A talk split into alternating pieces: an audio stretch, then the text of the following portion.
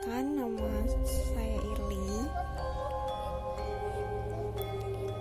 Di sini saya akan menceritakan tentang cerita horor saya sewaktu saya kuliah di Semarang. Waktu itu eh, teman-teman teman -teman sejurusan saya sedang mengadakan biasa disebut malam keakraban.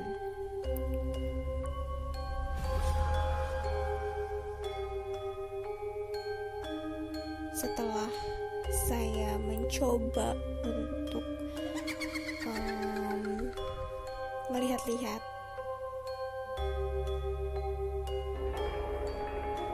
bagaimana keadaan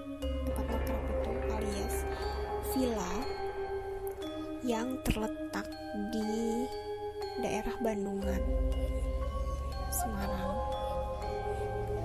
Waktu itu villanya terlihat cukup bagus, tetapi ada kamar mandi yang bau dan jorok.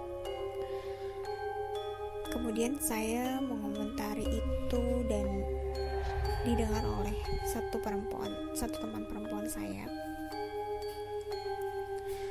Dia bilang, "Eh, jangan sompral kalau melihat sesuatu yang kotor, jangan disebut." Kata teman saya seperti itu.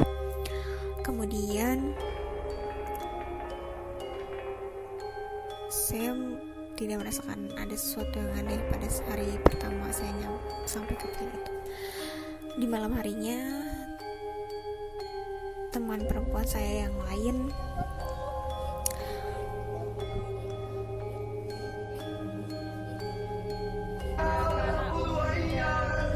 kesurupan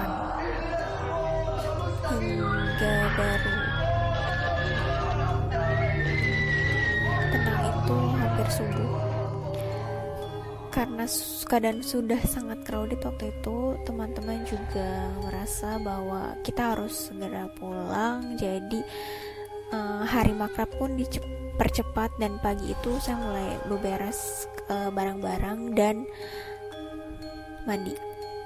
Pada saat ingin ke kamar mandi karena waktu itu kamar mandi sedang penuh-penuhnya dan banyak teman-teman saya yang sedang mandi juga akhirnya saya memutuskan untuk mandi di salah satu kamar.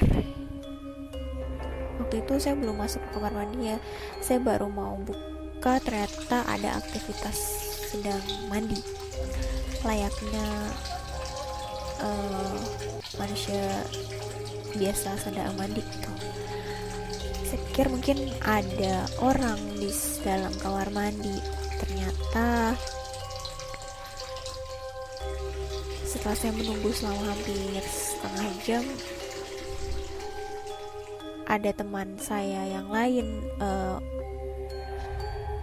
bertanya kepada saya loh Li kamu ngapain berdiri di depan kamar mandi? Oh, aku lagi nungguin orang lagi mandi nih di kamar mandi. Aku mau mandi. Hmm, perasaan gak ada orang lain deh. Akhirnya teman saya membuka pintu kamar mandi itu dan ternyata benar tidak ada siapa pun yang sedang mandi atau beraktivitas di dalam kamar mandi tersebut. Uh, kejanggalan.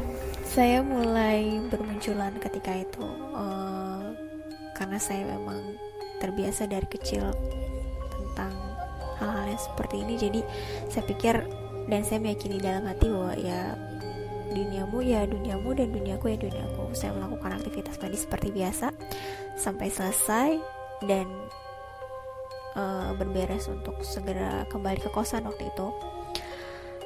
Saya melihat sebuah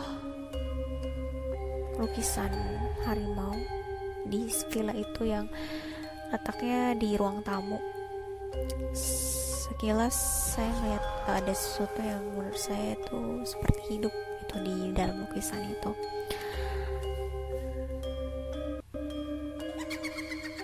Dan saya mulai merasa aneh dengan villa itu. Akhirnya kita semua pulang di perjalanan pulang saya memetik sebuah bunga. Lalu kemudian bunga itu saya buang lagi di jalan tanpa berpikir panjang dan akhirnya sampai di kosan dengan uh, selamat waktu itu dan tidak berpikiran apa pun. Sampai akhirnya malam tiba saya didatangi oleh sosok